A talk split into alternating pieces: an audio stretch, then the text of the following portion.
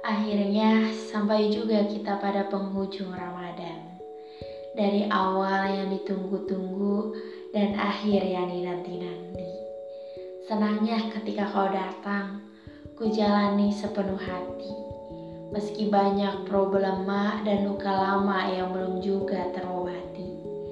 Jarak yang menegahi rasa senang bertugas sebagai perisai kesehatan diri.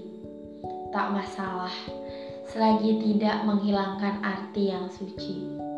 Ramadan adalah bulan yang penuh berkah, membawa makna baik bagi yang menjalani.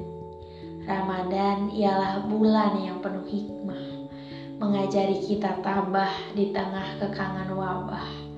Syukur kita masih bisa berjumpa dengan tahun ini, terlepas dari baik buruknya kita yang menjalani.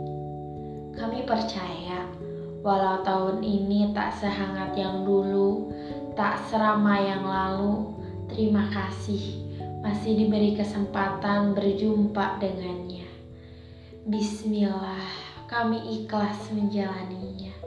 Dan semoga di tahun selanjutnya kami masih punya waktu, masih diberi kesempatan menemuinya dalam keadaan yang lebih nyaman ramai dan juga hangat.